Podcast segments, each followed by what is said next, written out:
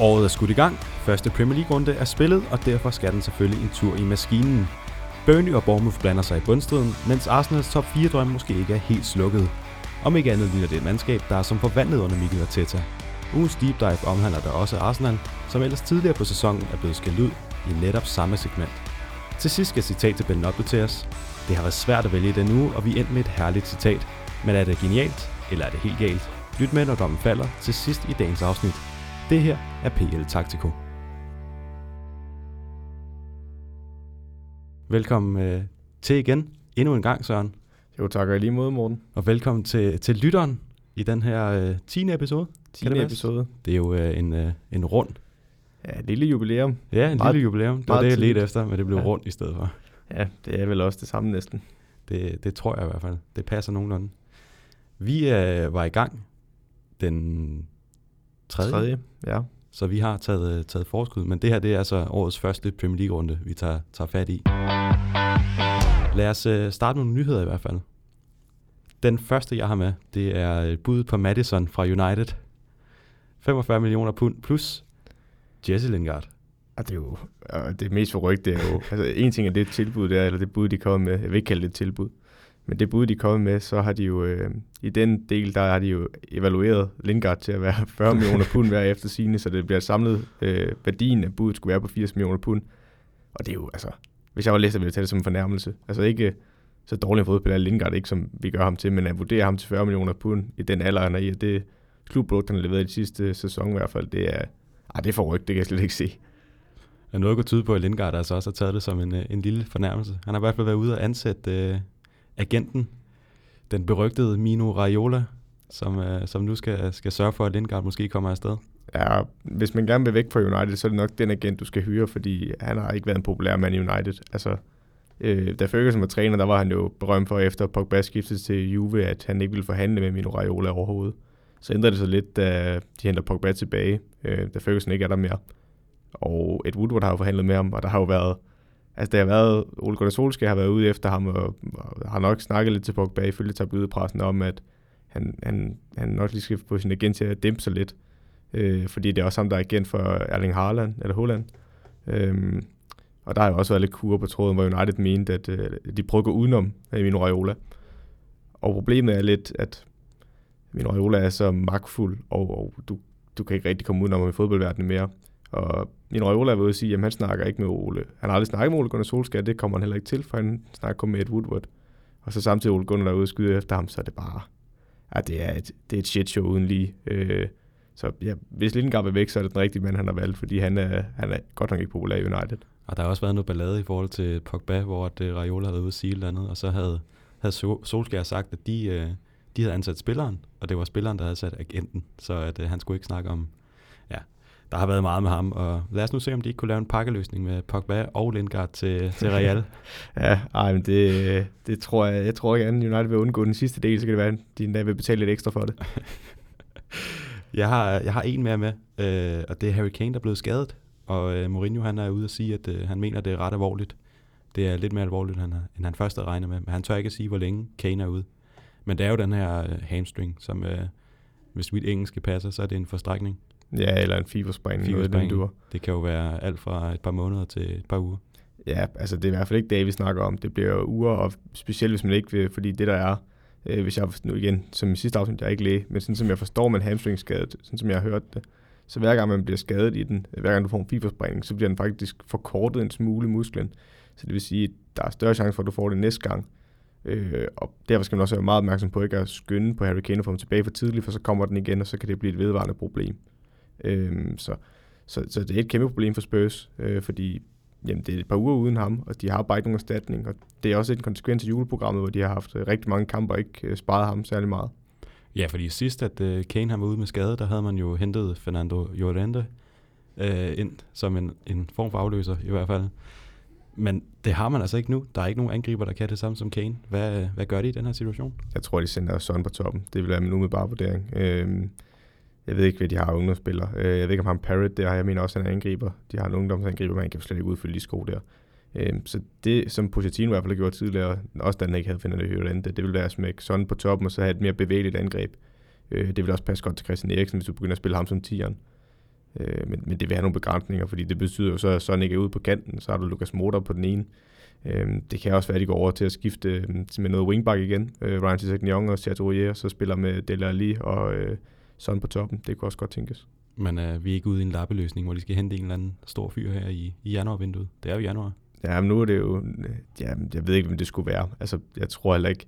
Tottenham, han har jo sige Mourinho, de ikke har pengene til at skulle hente nogen, og specielt ikke en ny angriber midt i, i januarvinduet. Det vil være for dyrt også. Så øh, må vi se, hvad der sker. Det bliver spændende i hvert fald at se, hvordan de klarer den uden Kane. Det har været en stor del af deres spil, som vi også har været på tidligere. Ja, og så altså, lige en enkelt indskudsætning til nyhederne. Nu ved jeg godt, at FA Cup ikke rigtig hører under øh, vores øh, Premier League-område.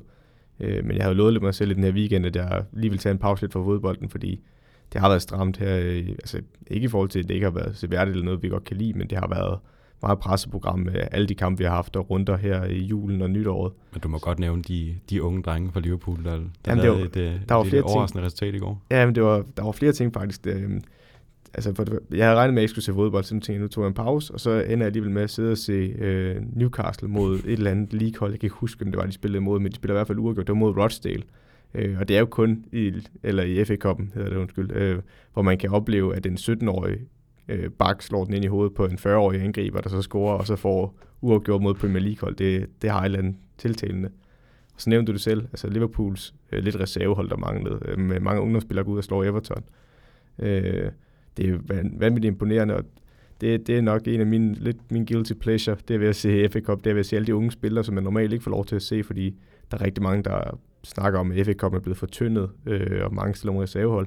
Men jeg finder det faktisk meget spændende at få lov til at se alle de her unge spillere. Øh, nu kan man se mange af dem, der var for Chelsea sidste år. Man kan se en Callum Hudson-Odoi, der fik øh, sit gennembrud rigtigt i FA Cup'en sidste år. Øh, så, så han er jo en af sammen med Curtis Jones her, der scorede mod Everton i 19-0 sejr. Det, det, det er bare spændende, for du har ikke lov til at se dem så tit, og det er lidt et sneak peek ind i fremtiden, og det, det synes jeg bare er vanvittigt spændende.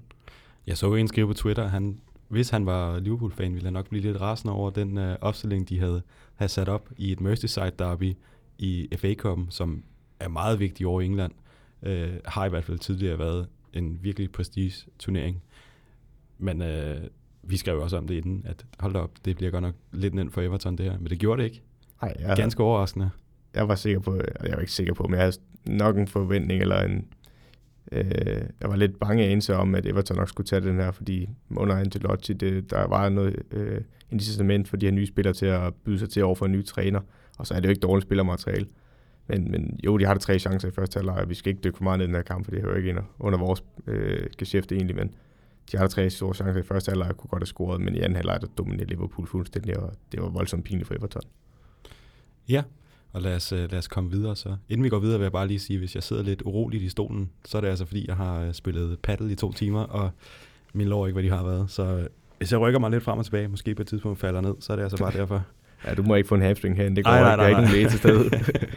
Nej, tydeligvis ikke i hvert fald. Nej. Lad os, lad os hoppe videre.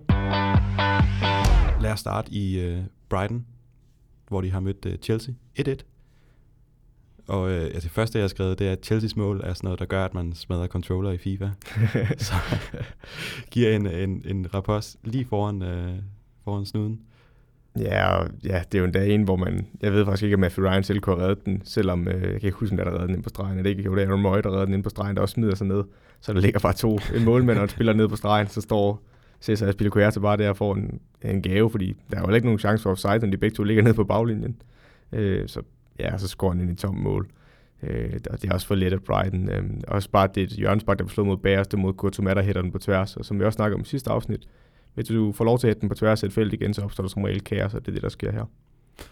Ja, og så kaos er det i hvert fald. Det, var, det er sådan en situation, hvor man bare tænker, nej, nej, nej, nej. Det der, det må ikke ske. Men øh, ja, Chelsea skaber vel egentlig ikke det helt store. Der er en situation, hvor Tammy Abraham, han har en, øh, en fin situation ude foran feltet, og Willian han kommer løbende på kanten og råber og skriger, men han ser ham ikke, og så vælger han en, øh, en ja, halvkikset afslutning, der går ud til, til hjørne. Ja, men det er jo en... Øh, det er vel det, man som angriber, der, der har man lidt en tendens til tunnelsyn, når man kommer omkring feltet. Øh, det kender jeg slet ikke. Nej, nej, øh, jamen, jeg kender det heller ikke. Jeg plejer ikke at være med derop. Men øh, nej, man kan godt se på uh, Tim Abraham, at han, han ser mål nu. Øh, og så i sidste øjeblik beslutter han så om, at jeg skulle nok have truffet en anden beslutning, og der er det lidt for sent. Øh, men, men nej, du har ret. Jeg synes heller ikke, altså, jeg synes Chelsea de kontrollerer kampen i hvert fald den første time, hvor Brighton, de er også fornærmende dårlige i den her kamp, synes jeg. De, de får slet ikke at bruge deres possession til noget som helst. Øh, og de har lavet lidt en, jeg tror, de spiller en diamant i den her kamp. Nu øh, nærstuderer den ikke så meget igen, men, men det fungerer bare ikke for dem. Øh, og de, deres backs er ikke gode nok. Du kan ikke, jeg synes, det er voldsomt at spille med en diamant, hvor du har en Dan Burns som den venstre bak, fordi det, det er meget baksen, der skal komme fra. Du skal skabe bredde i banen og komme igennem, hvis du ikke bare skal køre på kontra. Øh, og det kan Dan Burn jo ikke, det er jo ikke det, han giver dig. Så jeg forstår ikke, hvorfor de stiller sådan op. Øh, men, men jeg synes bare, de kommer igen efter den første time, og jeg synes faktisk, det er fortjent, de får uafgjort. Øh, og de, de skaber faktisk en del chancer for Kepa har to rigtig flow, flotte redninger, og, og ja, så har vi jo så et drømmemål også. Ja, vi ender jo med det her, det her hjørnespark, som, øh, som egentlig bliver slået over et rum, hvor at, at Brighton-spillerne ikke er, men bliver så på en eller anden måde en duel clearet hen, som ender sådan lidt halvt ud af feltet, men ikke rigtigt. Og så står den, den kommende iranske Ballon d'Or-vinder, Ali Reza Jahan Baksh. Jeg kan godt se, at du havde også øvet dig på navnet. Ja, det, var det, jeg vidste, vi skulle snakke om ham i dag, ja. så, så jeg har virkelig øvet. Fremover vil jeg bare kalde ham Ali Reza, fordi det er nemmere end, uh, end den sidste del. Men, uh, men som ja, laver et drømmemål. Ja. Simpelthen. Årets mål. Det er i hvert fald en kandidat til det. Der var rigtig klokken, mange flotte mål. Klokken 3 ja. 1. januar. Det, så. altså, det er en god start på året i hvert fald. Ja, øh, ja det, jeg synes, der var flere, der kunne kandidere til, øh, faktisk allerede til rundens mål. Der var mange gode mål den her rundt. Men det der, det er, det er så godt lavet. Altså, han kommer op, og jeg synes ikke, det er de der, hvor man... Øh, han får, hans teknik på selve saksesparket, synes jeg er rigtig god. Han kommer rigtig op også med det andet ben, og gør, at han kan få en ordentlig øh, træf på bolden. Det kommer ikke hårdt, men sidder bare så yderligere mål, man ikke kan nå derud. Og hvis man rigtig skal være sådan... Øh, sådan øh, fejnsmæk omkring øh, saksespark, så er der jo nogen, der rammer den med skinben på deres saksespark. Det er jo, det er, jo, igen, det er jo forkert. Det er jo, det er jo i teorien forkert. Altså nu kan man sige, at Rooney lavede drømmemål med det, øh, og der Ej, vil jeg sige, at det er jo rigtigt at finde hår i suppen, hvis man skulle kritisere det mål, for det er nok en af de bedste mål i Premier League, vi har set. Ah. Øh, altså nogensinde. Og der synes jeg, ja, det man så kan sige om det her mål, det har ikke den samme, altså sådan, selve afslutningen, den sidder ikke op i krogen eller noget, men det er da bare så teknisk godt udført, så det synes jeg også, vi skal huske at sætte pris på nu hvor du er i gang med teknikken på et saksespark, hvis man hopper op og ikke først svinger det, det ene ben, og så bagefter det andet, så er det ikke et sakse. Nej, så er det et halvsakse. Det ved jeg ikke, om det er, men det er i hvert fald ikke et sakse. Ja, jeg ved ikke, øh, det er jo lidt det samme, når nogen siger, en flugter. Øh, hvis den rammer jorden en gang, så er det ikke en flugter mere, så er det, det en halvflugter. Det er rigtigt. Så det, øh, ja, det, nu det er slået også, fast her. Ja. Nu det, bliver det nørdet. ja, nu, det diskuterer vi aldrig igen, for du har det sat på plads. Nej, vi holder, vi holder det her. Så kan man ja. altid gå tilbage og spole tilbage. Men, øh, men netop, netop, som du siger, så Brighton, de har flere fine chancer, og jeg vil spørge dig, en XG på den her? Jamen, øh, den det, har du ikke trukket? Jo, jeg har. Den okay. er, jeg har XG på alle gamle med altid. Det men godt, øh, altså, den her XG, den kunne ikke være mere øh, præcis, synes jeg næsten. Fordi den er 1,57 til Brighton, og den er 1,57 til Chelsea. Smukt. Så resultatet er jo meget afspejlende. Så kan det godt være, at Chelsea dominerer stor del af kampen, men ja, som tophold, eller ja, som et hold, der er med i toppen i hvert fald, og et hold, der... Top 4 hold. Ja, der gerne vil i Champions League, så, så er det sådan en kamp, de skal vinde her, også for at trække væk fra de andre, fordi det er lidt som om det top 4 race der, der er, så altså det er igen en diskussion om hønen og ægget, fordi er det fordi uh, Chelsea, Tottenham, United er blevet dårligere i år, uh, eller er det fordi, at midten har hævet sig, og bunden har hævet sig? Øh, jeg synes faktisk lidt, man kan argumentere for begge ting. Uh, specielt bunden har hævet sig gevaldigt i Premier League. Det må man sige, specielt her på, på det seneste, hvor det begynder at se meget spændende ud dernede. Jeg vil sige, at uh, Brighton de skal en tur til Everton i den kommende runde, som vi ikke har set endnu, fordi at nu er vi faktisk rent faktisk på, på forkant med det, som er perfekt. Og Chelsea, de skal hjemme møde Burnley, apropos bundhold. Øh, og netop Burnley skal vi hoppe videre til nu. De har mødt Aston Villa hjemme og tabt 2-1. Og øh, vi har jo lovet, at der ikke skal være nogen varsnak. Men øh, jeg sagde til dig inden, at jeg kunne nok ikke lade være med at over, Jamen, overholde den helt. Og du sagde også, at du kunne lige lukke den af med den her. Ja, jeg synes, du kan lov til at starte med den, hvis du lige vil nævne, hvorfor du vil have den med. Ja, men altså, det er jo en, det er jo en hel. Og det er jo ikke engang... Jo, det er der i opspillet til målet, men... Det, er til, det skal lige sige, det er til et mål, Grealish han scorer i starten af kampen, hvor øh, i opspillet, der er Wesley offside med det, du siger rigtigt, den hel. Og undskyld mit franske, men det er flueknipperi, det der. Og ja. det, er det, det er det, jeg ikke kan bevare øh, i Premier League, på den måde, det bliver brugt på. Øh, nej, men nu, jeg har ikke set, jeg, jeg har kun set offside meget kort, men han har en hel i offsiden. Øh, han har tippen af en hel. Ja, og det er jo, hvis det er inde i millimetersnakken, som, det, som vi kiggede på i sidste afsnit med var, så er jeg også enig, det, det er for meget. Øh, det er så, det, altså grund til, at jeg vil have det med, øh, det var ikke på grund af det, det var mere på grund af Aston Villa-fansens reaktion. øh, de jubler efter det første mål, øh, og så begynder de jo at synge efter, at, øh, at bare begynder at komme på. så synger de jo, øh, undskyld, øh, mit franske, øh, F-V-A-R, øh, for at undgå at blive explicit her. Øh, og det synger de, og så scorer de jo igen senere øh, ved Wesley i det 27. minut. Øh, og der er det jo fantastisk med Aston Villas reaktion. Deres fans, de jubler ikke. De jubler ikke, da der bliver scoret. og øh, kommentatoren, øh, det fra engelsk tv, siger også, det er underligt, at de ikke jubler. Og den så bliver fløjtet op, så jubler de, for nu er de sikre på, at den ikke bliver taget væk af var. Og det synes jeg bare var ekstremt genialt. Det var gode banter, synes jeg. Ja, det kan de altså, de englænder der. Ja. De er gode. Men ja, som du siger, så, så får de svaret igen. Uh, Wesley laver først en, og så laver Grealish også en, hvor han fremragende sparker den Ja, det er paradoxalt lidt her, synes jeg faktisk, at Wesley spiller en god kamp, indtil han bliver skadet. Uh, jeg har været lidt efter ham, og synes, at de har mange slutprodukter. Det har været kommet meget for Grealish. Uh, men det første mål, det er også en, hvor den bliver chippet ind, uh, hvor han tager den med med brystet. Jeg mener faktisk, det er fra Grealish. Ja, det tror jeg, du har ikke ret i. Ja, Tæmmeren, ja, altså Tæmmeren med brystet sparker den egentlig meget godt ind. Ah, Selvfølgelig er rimelig hårdt på. Ja, meget lige på keeperen, ikke? men det er rigtig flot taget med i første omgang. Og så på målet til 2-0 med Jack Grealish, der synes jeg, det er meget undervurderet, det Wesley er, det arbejde, han laver, fordi han er en stor mand, der skal den ind i boksen, og det er ikke det, vi der faktisk gør mest af, synes jeg, når man har Grealish på kanterne, som vi også har snakket om. Men, men der kommer så ud i siden i en øh, omstilling, hvor de kommer i en kontravilla, og der modtager den ud i højre side, og så får Moren at spille den på tværs af banen, hele vejen ind omkring feltkanten, og så bliver den til sidst spillet ud på Grealish, der så trækker ind i feltet, øh, trækker ind i sit højre ben, så sparker den i kort hjørne i top med målet. Og der er det jo egentlig Wesley, der er med til at vende spillet fra den modsatte side, og der kan man så snakke om, vi snakker om Tammy Abraham, der var oppe omkring målet, havde tunnelsyn i den situation fra Brighton-kampen. Der, men Wesley har et fantastisk overblik her som angriber, og er med til at vende spillet og springe et par stationer over i afleveringen, der gør, at de kan spille, øh, de kan spille Burnley tyndt. så det skal han rose for, så er det bare super ærgerligt, at han, både ham og Heaton er skadet for resten af sæsonen nu, og det er et kæmpe problem for Villa. Det må man sige. Og så øh, apropos at spille Burnley tyndt, så tror jeg, at Burnley de har en lille konkurrence med Bournemouth gående om, hvem der kan have flest mænd i feltet uden at forsvare. Fordi det ser godt nok øh, lidt tyndt ud, og de får lov til at, at få lidt plads. Det snakker vi også om i sidste og sidste afsnit.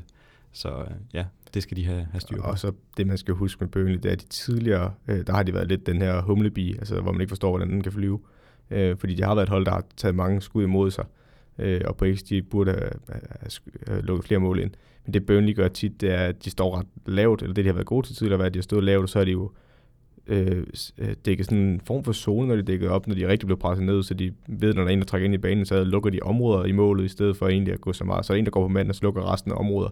Så de blokerer rigtig mange skud. Øh, det synes jeg bare, de mangler for tiden. Og det, sammen med meget andet, de mangler at stå kompakter. Så har jeg lidt en tese om i fodbold, at du kan godt blive ved med at køre med et meget stramt koncept, som Tony Pulis har gjort, som Sean Dyke har gjort, og det kan godt virke noget tid. Men før eller senere tror jeg, det slider på spillerne, hvis du ikke skifter ud i truppen, fordi det er bare sindssygt hårdt, altid skulle være det hold, der ikke har bolden og jagte og sådan noget. Til sidst tror jeg, man kan miste lysten lidt, øh, og på den måde, så mister man lige et par procenter. Øh, så tror jeg, det tror jeg bare ikke er holdbart, sådan, hvis man snakker øh, 4-5 år, som man har med Sean Dyke.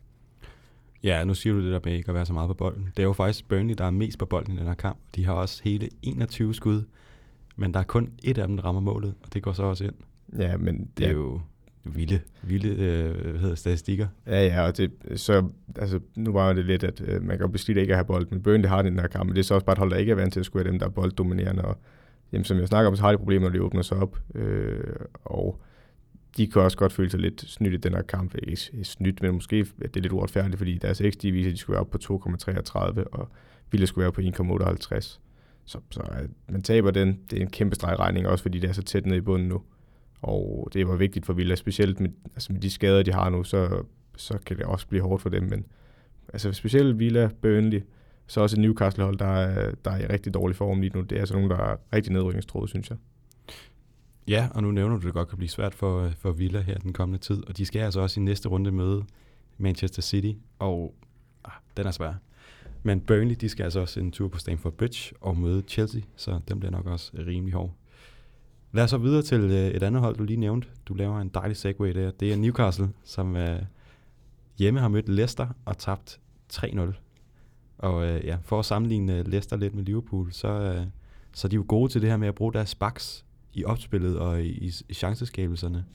Og det giver dem altså bare det her, det her ekstra stykke, at de sådan kan skubbe, skubbe deres kanter mere ind, så de øh, får lidt flere mand i, øh, i det område. Det er da også specielt ved den her kamp, at de faktisk skifter formation igen Leicester. Øh, de har spillet 4-3-3 meget sæson, og så havde vi nogle kampe, hvor de spillede en 4-4-2 diamant, og den der går de faktisk overskifter til en tremands øh, bagkæde.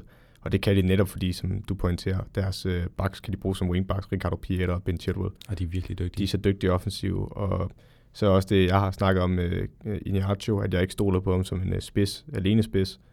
Det bliver også adresseret her ved at rykke Jose Pettis op ved siden af ham, og så har du Madison og Thielemans, der får rig frihed, ligesom de gør i en 4-3-3 til at ligge som de to 8 bagved, og så har du en Didi, der holder igen. Og jamen, de spiller en rigtig god kamp, og de skaber et hav af chancer. Dubravka, han har godt nok travlt ned i målet. Ja, ja. Han har en øh, dobbeltredning på et tidspunkt. En, trippel. Ja, trippel. Det enige om inden her. Ja, han når ja. også lige at tage den sidste. Ja. Øhm, men, men det er også lidt... Øh, historien om Newcastle for tiden, det er, at de, de har haft nogle gange, hvor de har prøvet at spille den ud for bagkæden, og jeg har været lidt efter mig at sige, at de ikke er så meget boldbesiddelse, de kun vinder kampe, ikke har boldbesiddelse, men det er der, der godt nok også en grund til. De har åben gavebrud mod United, øh, hvor de i hvert fald laver to fejl i opspil, der koster mål, øh, og et dårligt mål, på et tredje mål. I den her kamp, der har vi jo Florian Lejeune, øh, som man, ja, han kunne næsten ikke være med uheldig i den her kamp. Han, han har en aflevering på det første mål, hvor han afleverer fra den, han er den venstre centerforsvar, så afleverer den hele vejen på tværs over til den højre centerforsvar i en trebakskæde. Men den aflevering, den er, den er, det er det, som man tit i fodbold, hvis du skal springe led over, spille ned i bagkæden, så skal det være meget smæk i den aflevering, fordi hvis du afleverer altså vandret i en bane, så er det en let aflevering at bryde. Og det opdager jo Pettis hurtigt, og den aflevering er alt for blød, og så kommer han og tager den, tager et uh, træk ind i banen, forbi Fabian Scher og sparker den ind 1-0. Øh, og Leicester er god til at straffe det, men det er simpelthen at forringe Newcastle, og det er derfor, at man, det er derfor, jeg troede ikke, de ville komme i nedrykningsfare øh, så godt som de startede sæsonen, men det skal jeg love for, at de er kommet nu. Ja, og så, øh, så nævner du det her første mål, og det er jo egentlig det, der sådan er en, en reel chance for, øh, for Leicester. De to andre, de bliver jo hamret ind fra, øh, ja, sat virkelig flot og langt udefra. Hvad er en XG på den kamp her? Sad jeg jeg tænkte på, det øhm, så den. Øhm, jamen, Newcastle, de er på 0,78, så de skaber stort set ingenting. Nej, og så har du et Leicester, der er på 1,99. Jeg synes faktisk godt, den kunne have været højere for Leicester. Nej, det kunne godt, for de får en del chancer, hvor de øh, får blokeret, og de blokerer også lidt for hinanden på et tidspunkt. Men, øh. Ja, og ja, altså, så kan det godt være, at vi snakker om, at Madison han har et fantastisk spark ud fra med venstre ben op i et kort hjørne, men det kommer altså igen for et boldtab af Florian Lejeune, øh, og så den spillet ind på Madison, så afslutter rigtig flot. Øh, og så kan du også igen, øh, Hamza Chaudhry, hans mål er også sindssygt godt sparket ind. Ja. Den ene side der, han føler op i krogen og overlægger ind for feltkanten af, det er også flot fodbold. Ja, og så, øh, ja, nu roser du godt nok Dubravka, men jeg vil også lige nævne igen, at hold op, en shotstopper. Nu har vi jo i vores uh, special siddet og snakket med Lars om, hvordan han kunne være i Premier League, og han forstod det heller ikke, men uh, det han kan, det er jo det der med at, stå i vejen på, på de skud der. Det kan godt være, at han måske ikke giver den der trippelredning, der giver han lidt en repost, han måske ikke ja, burde. Jeg synes, han har en tidligere kamp, og han sidder lige midt på ham, hvor han faktisk taber den. Ja. Øh, ja, altså i de kampe, hvor Newcastle står med 11 mand i egen boks, så gør det jo ikke så forfærdeligt meget, at give returbold, for det er som regel en Newcastle-spiller kommer på bolden. Øh, men, men omvendt, så ja, så synes jeg bare lidt, at han leder det samme syndrom, som Simon Mignolet gjorde i Sunderland. Sunderland, der, han blev udsat for rigtig mange skud, og derfor lavede han rigtig mange flotte redninger, og så tænker man, hold op en mål, men det synes jeg bare, at Dubravka er lidt det samme eksempel på, da han kom til. Der havde han rigtig mange redninger, og det synes jeg, målmænd tit har i starten, hvis de bliver udsat for en del skud. Øh, og så kan man lige pludselig se rigtig god ud. Så jeg synes heller ikke rigtigt, at, det ved jeg ikke, om jeg har specifikt sag, men jeg synes i hvert fald ikke, at han er Premier League målmand. Nej, han sagde i hvert fald, at han var overrasket, men det tror jeg, de fleste ville være, når han kom øh, fra, fra Esbjerg. Det kan godt være, han siger det på en pæn måde, Lars. det kan godt være. Han er en, øh, en mand, der ikke sviner folk til i hvert fald. Overhovedet ikke. Det, det var han ikke meget for. Jeg vil nævne, at øh, Newcastle de skal en tur til Wolverhampton her i næste runde, og Leicester skal hjemme møde Southampton. Og hvis det her program kan noget, så er det altså at lave dejlige segways. Vi skal nemlig til Southampton nu, som hjemme har mødt Tottenham og vundet 1-0. Danny Ings igen, igen, igen, igen. Bliver han topscorer i år? Nej, det gør han ikke. Det gør han ikke. Der er en Vardy, der er for langt foran. Nu ved jeg godt, Vardy er ude. Jeg ved faktisk ikke, hvorfor der står øh, personlige årsager af det, jeg har set. Jeg ved faktisk ikke, øh, det er ikke lige undersøgt. Det er en overdose på øh, espresso og Red Bull. det er ikke utænkeligt. Men øh, Dan Ings, han er bare vanvittigt skarp. Altså det mål, han laver jo også imponerende. Det skal så lige sige, at jeg vil lige sende en kæmpe røffel til Tottenhams midterforsvar i den situation det er jo en situation, hvor Southampton generober bolden. Øh, eller de, ligger, de mister bolden, så så hårdt genpres, at øh, Ryan Sessegnon på venstre bakken ligger en fejlaflevering, der ryger hen til Jack Stevens, der så slår en bold dybt. Den dybde bold der, den slår begge centerforsvar fra, øh, fra, Southampton, eller fra, eller fra Tottenham. Jan Vertongen ligner en mand, der lige har taget skridtet frem, fordi han, han, øh, det virker som om, han er jo centerforsvar, den side, hvor afleveringen kommer. Han virker som om, han satser på, at der kommer en øh, flad aflevering, så han kan op og bryde den, inden den engelsk kommer på den. Men det lille skridt, der gør altså, at øh, han bliver fanget under bolden i den bane, øh, når han ryger hen over toppen af forsvarskæden. Og så ryger han hen til Dan Ings, hvor Aldevrel selvfølgelig løber ud mod ham. Men øh, da han er lige hoppet en gang, Danny Ings, og så tror jeg aldrig, vi lader ham med spark på den, så Danny Ings laver sådan en lille kropsfindeagtig, øh, og lader som om med spark på en flugt, og i stedet for tager den med hen over hovedet på Alderweireld, og Alderweireld, der både ja, man fortsætter næsten ud over baglinjen, og øh, falder også i det, han prøver at vende om og dække op. Og så kan Danny Ings bare stille og roligt lade den hoppe en gang til at sparke den i kort med venstre ben, og det er enormt køl, og det er en angriber med selvtillid. Det må man dengang sige. Det, er, han har virkelig øh, han har ramt et eller andet her i, i efteråret, hvilket så bliver foråret nu. Øh, og så skriver jeg, at øh, Southampton, de viser i den grad, at Tottenham-forsvaret det er altså til at tale med, og det er også det, jeg kan høre fra dig af. Hvad skal de, hvad skal de gøre her? Kan Mourinho øh, bare sætte på, eller? Jeg synes i hvert fald, jeg synes ikke bare, man kan sige, at han kan sætte på. Jeg synes, det er ekstremt bekymrende, øh, og der er flere farmomenter i det her for mig. Jeg synes, at han er overhovedet ikke den Fatongen, vi kender. Øh, han har også kontraktløb i sommer, der har været rygter om Napoli, og Napoli, der vil gerne vil sælge øh, Koulibaly, så vil det give god mening, at han til Napoli.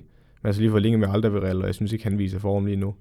Øh, men vi har tidligere snakket om i starten af sæsonen, at jeg ikke var tryg ved nogle af de centersforsvar. Det, det synes jeg bare kommer til udtryk her, fordi det er en aflevering hen over toppen, og så kan det godt være, at Sergio måske kunne være kommet lidt længere ind i banen, og Ryan Stignion bliver fanget højt. Men, men de burde kunne løse det, og når man så samtidig ikke har en sekser, der er sådan, Erik Dyer er jo ikke den sekser, han var for et par år siden, der kan beskytte bagkæden, jamen, så er de her afleveringer hen over toppen sindssygt farlige, fordi hvis de ikke selv kan løse det, jamen, så er det altså frit løb ned mod målmanden. Så det er et kæmpe problem for Tottenham. Også fordi, hvis de har Harry Kane skadet, som du åbnede med, så kommer de nok til at score så forværkeligt mange mål. Og hvis de så samtidig lukker mange mål ind, så er det jo opskriften på, en, ja, på dårlige resultater. Nu nævner du også det her med Kane. Øh, den har jeg jo også skrevet, øh, at han er skadet. Og så øh, nævner du også Erik Dyer. Og han er altså på en eller anden måde kommet helt ud af truppen. Jeg ved ikke, jeg kan ikke se nogen steder, at han skulle være skadet eller noget, men, øh, men han har jo ikke været helt imponerende. Men til gengæld så har Eriksen fået fuld spilletid i den her Southampton-kamp. Hvad, hvad er det egentlig et, øh, et tegn på? Øh, jeg... Skal han fortsætte i, i Tottenham? Er det derfor? Der har været lidt rygter Det, han har sagt til Mourinho? Der er vel rygter om, at han skal fortsætte. Jeg vil synes, det var en af de dummeste beslutninger af Christian Eriksen. Ikke fordi, at Tottenham er en dårlig klub. Øh, jeg vil godt kunne forstå, at han forlænget, hvis det var Pochettino, der stadigvæk var træner, og han er blevet set i stort lys. Men jeg synes ikke, det ser, jeg synes ikke udviklingen for Tottenham er positiv under Mourinho. igen, det er stadig tidligt i Mourinhos øh, trænerkarriere i Tottenham, så det er også for tidligt at dømme ham helt. Men jeg synes også, at Christian Eriksen spiller mangel på andre af der. For eksempel Harry Wings bliver valgt fra, det var der rigtig mange fodboldeksperter, der ville sige, at det blev han nok, fordi han ikke er øh, den der, de der to sekser lignende otter, de gerne vil have i Tottenham, eller som Mourinho gerne vil have normalt, sådan en Martins-type. Så er der jo en Dumbele, som er, er skadet hele tiden, ja, det, som Mourinho har ude at sige, han, han ved ikke, hvad der, han har skadet jo, igen. Ja, vil så igen, det er også en tendens, Mourinho er rigtig slem til. Han er rigtig slem til at, øh, at sige til spillere, at de skal spille igennem skader. Og det er simpelthen under al kritik som træner, øh, fordi en Dombele, første gang Mourinho siger noget, der han siger, jamen de kunne ikke rigtig finde ud af, hvad det præcis var. Han sagde, at der var mange forskellige små skader, der havde ophobet sig. Øh, og det, det, synes jeg bare, så sælger sin spiller lidt, og det bliver han bare ved med over for en Dombele. Så i næste kamp mod øh, Norwich, tror jeg, der er faktisk, der går en Dombele også ud skadet. Øh, eller var det den her kamp? Han går faktisk ud. Jeg han går ud i den her kamp, ja. Så er det den her kamp, han går ud i, hvor en Dombele, han, han bliver skadet og går ud. Øh, og det er jo netop, fordi han er ved at vise over for sin træner, at jeg godt kan spille igennem skader.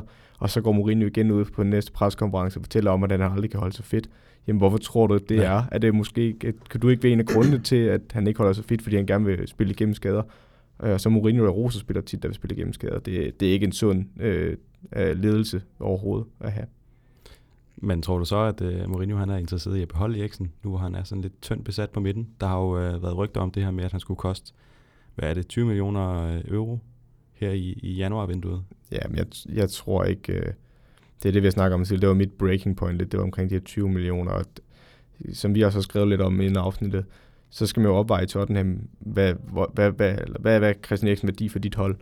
Øh, tror man, at Christian Eriksen kan være forskellen på, om man kommer i James League eller ej, jamen, så sælger du ham ikke. Omvendt, hvis du ikke ser Christian Eriksen som så vigtig en spiller, så kunne du godt sælge ham for 20 millioner pund. Men hvad kan du få for 20 millioner pund i dagens marked? Det er ikke øh, mange midtbanespillere, du kan få øh, på den hylde, Tottenham gerne vil have. Øh, I hvert fald ikke uden du skal bruge nogle sæsoner på at udvikle dem. Og jeg, jeg, jeg tror, Mourinho ser et stort lys i Christian Eriksen, og jeg tror faktisk, der skal meget til, før han sælger Christian Eriksen her i januar. Ja, i den her kamp, der er der jo også meget dødbolde, som, øh, som Tottenham bliver farlige på. Og det er jo det, vi ved, at Eriksen han er god. Men nu hvor Kane også er ude, så er der jo ikke rigtig nogen at slå den ind på, sådan set. Så øh, det er måske Ej, ikke lige spidsen. Jeg vil så stadigvæk sige, hvis de spiller med en tremandsbakkæde eller med Erik Dyer på midten, så er der stadig nogle store folk til hjørnespark og sådan noget.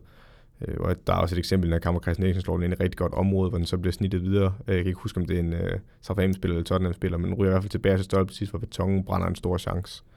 Så altså, jeg, ved ikke, om, jeg ved ikke, om han er en type, uh, Mourinho uh, nødvendigvis ser som en, en vigtig brik, specielt ikke, hvis han ikke forlænger. Men jeg tror bare heller ikke, Mourinho er... Jeg tror godt, Mourinho kan anerkende hans evner, hvor dygtig en fodboldspiller han er, det har de bare brug for i Tottenham lige nu. Det bliver i hvert fald spændende at se, hvad de gør, gør fremover synes jeg, jeg siger hver gang, vi runder en kamp af. Ja, så, det er sådan min måde at... Og så vil jeg også lige, altså nu igen, nu er jeg meget efter Mourinho, men det er simpelthen nogen... Jeg har respekteret Mourinho meget som træner, specielt han var i Inter, og synes også til dels i Real Madrid og Chelsea og Porto-karrieren. Øh, du nævner ikke United? Nej, ikke lige. Det var ikke lige det. Jeg synes, han... Øh, det kan jo være igen spillermateriale, det ved jeg ikke. Men jeg synes i hvert fald, at øh, igen, efter FA Cup-kampen, der var han ude at sige, at det var bolden. Den var alt for let. Han spillede, synes, den var alt for let til, at de kunne spille med den. Og jeg kan godt være med på nogle ting, altså det kan jeg også godt forstå som træner. For eksempel hvis der er meget vind på en bane, det synes jeg er meget undervurderet i fodbold, at når en træner faktisk går ud og snakker om, hvor meget vind der er i en kamp, så bliver han tit bare, at det er en dårlig undskyldning. Det kan jeg reelt godt se. Men en bold, jeg tror som regel, at de bliver til, jeg er ret sikker på, at de bliver testet inden kampen, hvor ja, meget luft der. træner med dem og sådan nogle ting ja, op til kampen. Der er så, det der så kan være en formidlende omstændighed, det er, at det er nogle andre bold, de spiller med i FA Cup, end det de spiller med i ligaen, som Lars snakker med målmænd. Ja. Men jeg vil bare sige, at jeg tror, de går ud og tjekker, hvor meget luft der er i boldene. Og jeg, jeg kan simpelthen ikke forestille mig, at, øh, fordi det er jo ens for begge hold med bolden. Altså, øh, vinden kan jo ændre retning under kampen, og den kan, jamen, den kan ligge sig i en halvleg, og den kan tage til. Men, men en bold, den er ens for begge hold, og det synes jeg bare, han er, han er slem til at bare, det har han jo altid været med at sende skylden andre steder hen for os, ikke at vise, at det ikke fungerer. Øh, jeg synes, de har rigelige problemer i Tottenham. Også, de er faktisk gået væk fra det, de gjorde i starten af sæsonen med Fatongen på venstre bak, hvor de spillede med tremandsbagkæde i deres possession-spil. Øh, nu spiller de med Ryan Sessegnon derovre, så de har også skiftet væk fra det. Det kan godt være skadet, jeg tror dem, men jeg, jeg kan ikke se en rød tråd i det, Mourinho laver lige nu. Nej, så er han jo bare manden med, med de gode anskyldninger. Southampton, de skal en tur til Leicester i næste runde, og Tottenham skal hjemme møde Liverpool. Så der kan man også blive, blive udstillet. Men lad os se, når vi når dertil. Vi skal til, til Watford, som hjemme har mødt Wolves, og de har vundet 2-1.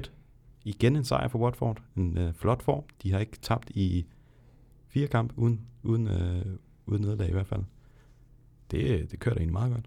Ja, men Nigel Pearson ved roret, der, øh, der er det fantastisk. Der er lige den indskudte bemærkning. Øh, nu har vi lige haft FA Cup-kampen, hvor de får en 3-0 mod Tranmere Rovers fra League One, der ligger til nedrykning i League One. De får en 3-0 og ender med at spille 3-3. Øh, det, det, det, ja, det er ikke særlig godt, men, men jo, lad os lige komme tilbage til den her kamp, for det er fantastisk. Øhm, de, er, de er bare, ligesom de var mod Villa i sidste runde, de straffer bare modstanderens fejl. Altså der er en, jeg kan ikke huske, hvem der laver fejlen i opspillet her. Jo, det er Leander Den Dogger, Øh, Den dunker fra øh, midterfor, eller midterforsen, der er blevet omskolet til central midt i øh, Wolves. Der laver en aflevering tilbage i banen, som der bliver brugt af Ismail Isar, der bare afleverer den øh, lidt ud til venstre øh, i Watfords side, så Delofeo han kan afslutte på den første gang. Det er faktisk vanvittigt godt lavet af Ismail Isar, for han trækker lidt ind i feltet. Så venter han på, at øh, Ryan Bennett, den øh, brede centerforsvar i tremandsbagkæden for Wolves, lige øh, træder ind på ham, og så spiller han den tyndt ud i siden, og så kan Delefeu afslutte på den første gang med højre ben og lægge den over i langt hjørne.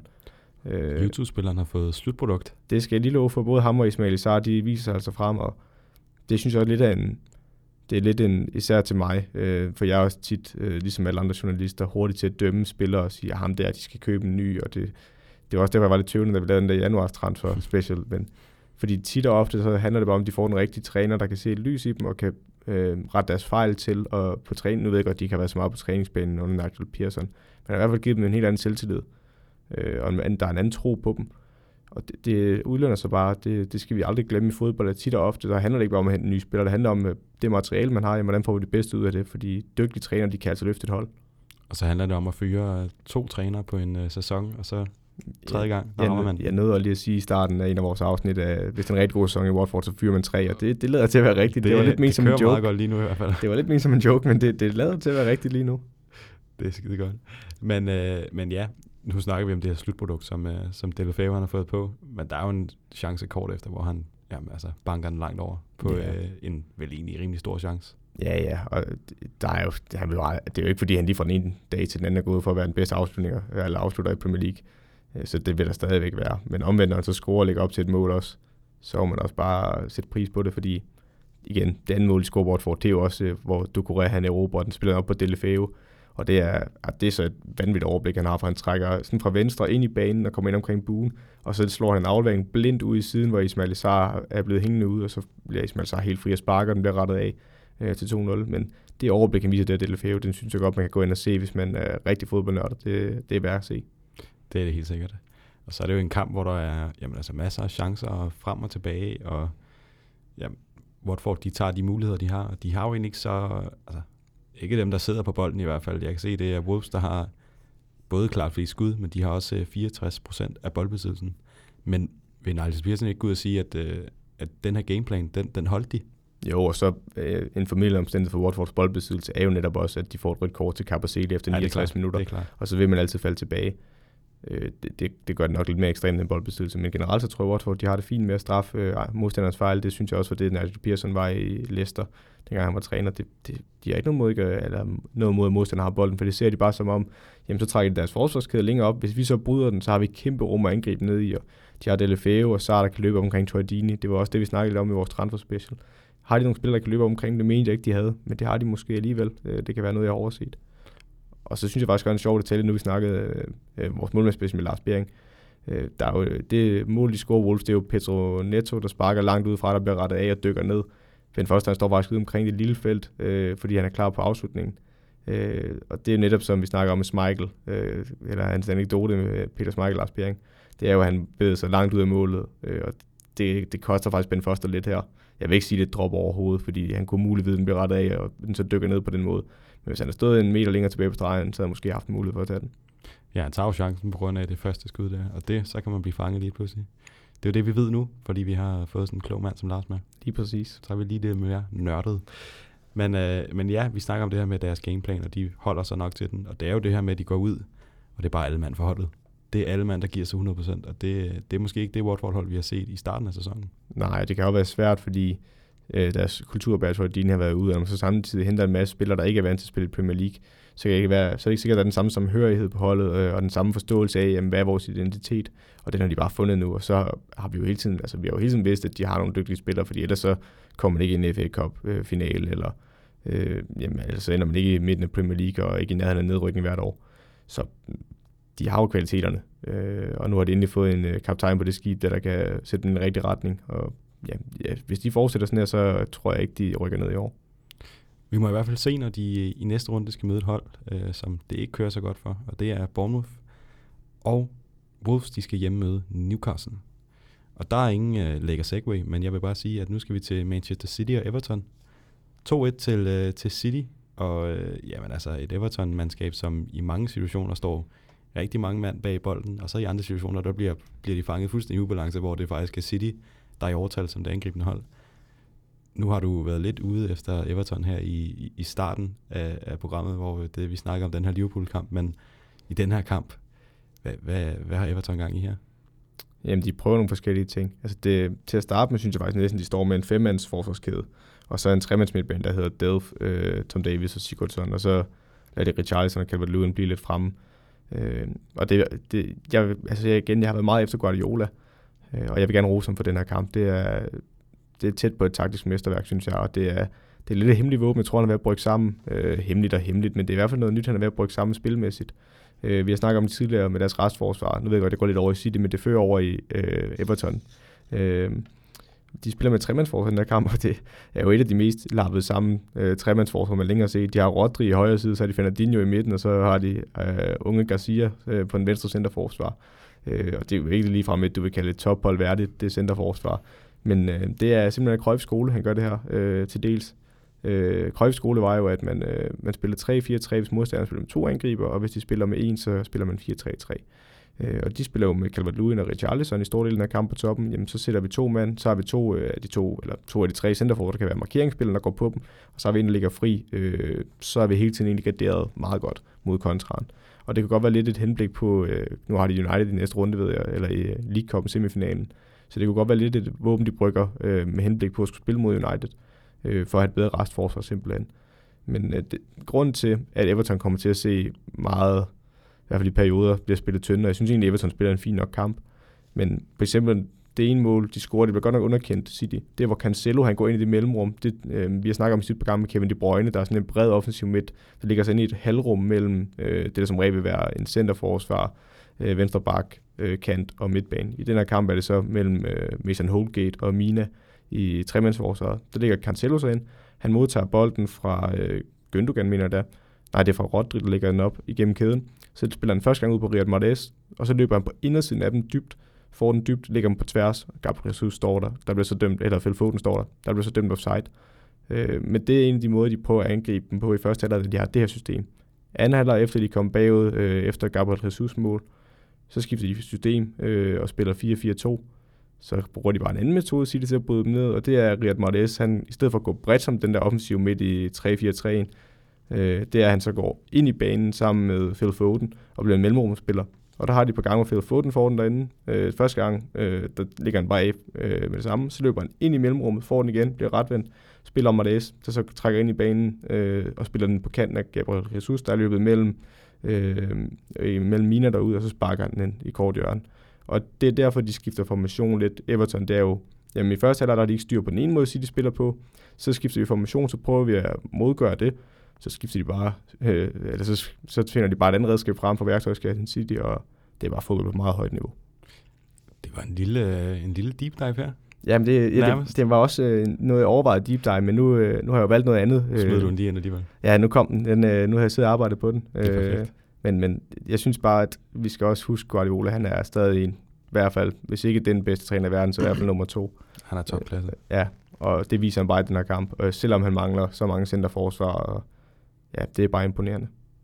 Det må man sige. Og en anden mand, der imponerer i den kamp her, det er jo en, vi har snakket om, om han egentlig var klar til at tage over fra Aguero, hvis han skulle øh, enten videre, eller han er jo heller ikke øh, helt ung længere, så måske stoppe på et tidspunkt. Og man sige, den her kamp, der er Jesus, han viser sig altså fra sin bedste side. Ja. Han laver både et uh, lækkert drej med højre og et uh, knaldhårdt spark med venstre. Og det er meget undervurderet det første mål faktisk. Øh, fordi mange vil jo sige, at den måde, han ligger den over til højre ben, er rigtig flot. Øh, også, også selve sparket. Men den aflevering, han får op igennem kæden, han lader den bare løbe på, på tværs af kroppen, i stedet for at tage en berøring på den, så han kan holde farten. Og i det øjeblik, han ser, at, øh, jeg kan huske center for jeg tror det er Mason Holgate, der prøver at træde op på ham, øh, så laver han bare lige kropscenter, som om han lader den løbe videre, trækker ind i banen, og så får han afslutningen. Øh, så det er faktisk den måde, han tager bolden med på, uden at røre bolden, der, der giver ham muligheden for at lave trækket og målet. Øh, ja, han er en vanvittig dygtig afslutter. Det, jeg, jeg vil stadigvæk sige, at han ikke er på samme niveau som Sergio Aguero i de store kampe. Der vil jeg nok stadigvæk foretrække Aguero, men mod sådan nogle hold her, hvor øh, de får lidt mere, eller mere boldbesiddelse, og altså, centerforsvaret er ikke lige så stærk, hvor han kan angribe de her mellemrum, der er, der er han vanvittigt dygtig. Jeg har jo skrevet ned, hvis nu at øh, Gabriel Jesus her, han spillede i en anden klub end City, hvor at, øh, ja, han spiller jo ikke hver gang, fordi Aguero, han skal jo også øh, spille en gang imellem. Han er trods alt stjernen på det hold, øh, om ikke andet. Så, øh, så hvis nu Jesus han spillede i, jamen, øh, nu kan jeg ikke komme med en konkret klub, men, men en klub, der måske ikke bare var City, hvor højt profileret ville, vi, øh, ville han egentlig være, og hvor meget ville vi snakke om den her unge angriber? Øhm, jeg synes godt, man kan se lidt altså to sider. Jeg tror stadigvæk, han vil, jeg tror stadigvæk, han vil score mange mål, som var en anden klub. Igen, vi ved ikke, hvilket spilsystem det vil være. Men hvis det der var minder lidt om City, eller i hvert fald hold, hvor de er et tophold, så tror jeg stadigvæk, at man score mange mål. Omvendt kan man også sige, jamen, hvor mange mål scorer han på det brasilianske landshold. Altså Firmino har slået ham med nu, og Gabriel Jesus havde da en lang periode, hvor det var ham, der startede både ved VM og også i store dele af Copa America faktisk. Øh, og der synes jeg ikke, han har grebet chancen. Og det, det, kan, det er ikke kun Gabriel Jesus skyld, det er også den måde, det brasilianske landshold er bygget op på. Men det synes jeg også viser lidt, at han har nogle begrænsninger. Øh, nu er jeg igen, nu er jeg ikke dykket ned og analyseret ham bare som enkelt spiller over flere kampe øh, og scoutet ham på den måde. Så, så altså, hvad jeg lige kan udpege, det, jeg vil ikke sidde og udpege specifikke øh, øh ting, jeg synes, han er dårlig til. Øh, men, men der er en grund til, at han ikke scorer så mange mål på det brasilianske landshold. Og så har jeg også skrevet øh, Rose Everton. Virkelig pæne trøjer. det, det er godt, du, vi skal rose dem. Jamen, det er det. Ej, jeg synes... Ej, jeg, synes jeg har også jeg har skrevet noget efterfølgende, men det, jeg synes virkelig, det var en pæne trøjer. Så jeg har skrevet, at det ligner et hold, der tager konsekvensen af at være kommet bagud, og så satser fremad. Og det er også det, du nævner med, at de skifter om til 4-4-2, og satser på at få nogle flere mand lidt længere frem. Ja, så... Men så er Guardiola bare genial. Ja, så det mål, de faktisk får, det er jo Claudio Bravo, der bliver overmodig. Han laver jo lige en skudfind på Calvert-Lewin, tror jeg det er, øh, hvor Calvert-Lewin bare fortsætter over sidelinjen, og alle råber, og så vil han øh, lige vise, at jeg kan godt spille den op igennem kæden for at være helt perfekt. Det, det skulle han så aldrig have gjort. Nej, det- det, den aflevering, han prøver at ligge op igennem feltet, den, øh, den bliver faktisk brudt af Richarlison, og så ryger den hen til Moise Keane, der er kommet ind, og han spiller den over til Richarlison. Nej, han spiller ikke over til Richarlison. Det er, det, der tager den afsnit. Jeg tror faktisk, det er Calvert-Lewin, der skyder. Nej, det er Walcott, der skyder øh, fra lidt ude i højre side af feltet, og så, jamen, så bliver det faktisk et indlæg, hvor, eller, hvor Richarlison kommer på bag stolpe og lægger den ind, og så er den lige pludselig en tæt kamp igen. Øh, Jeg synes også, at Everton de begrænser City store hele kamp, og jeg mener også, at man kigger på deres XG, nu har ikke lige tjekket den faktisk. Øh, jo, City's de ligger jo på 1,78, så de fortjener jo at vinde. Øh, men jeg synes faktisk, at Everton gør det fint store perioder, de er bare op mod overmagten, og jamen, så har Ancelotti ikke haft lang tid med det her hold. Jeg synes egentlig, de gør det okay. Ja, og øh, for den af, så vil jeg sige, at øh, Manchester City de skal en tur til Aston Villa i næste runde, og Everton skal hjemme møde din darling. Det er Ja. lang tid siden, vi har sagt det, men, øh, men Brighton. Ja. ja. Og næste kamp, det er Norwich Crystal Palace.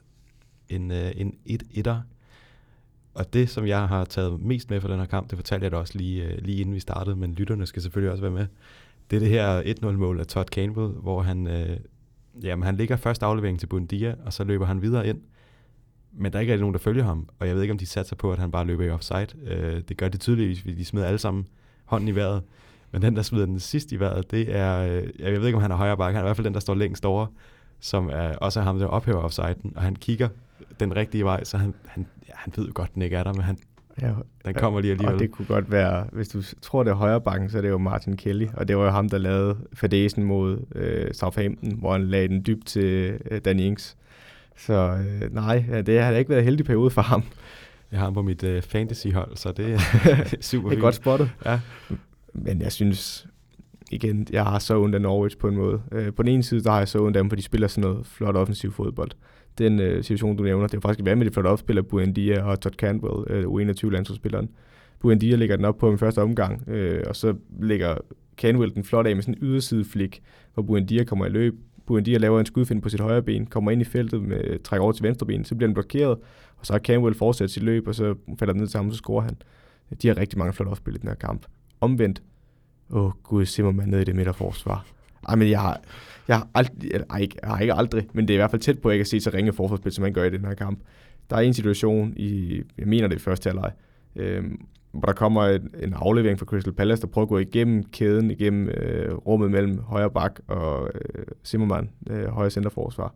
Og det er egentlig en flad aflevering, der lige hopper en gang, og så vil han sparke til den, og han rammer den bare ikke, fordi han, han læner sig alt for langt tilbage, og benet kommer for langt ud, så det bliver en mega akavet spark. Så ryger den hele vejen over til Jarde Urideval over i venstre siden der, øh, der vil lave en aflevering, en cutback, men den blokerer Zimmermann. Problemet er bare, at Zimmermann ved ikke, hvor bolden er henne i det øjeblik, han blokerer den, så han står bare og drejer rundt om sig selv. Så kommer den hen og vil fat i den bold. Jeg kan ikke huske, om det er Crystal Palace-spiller. Krul prøver at kaste over den, den når han ikke.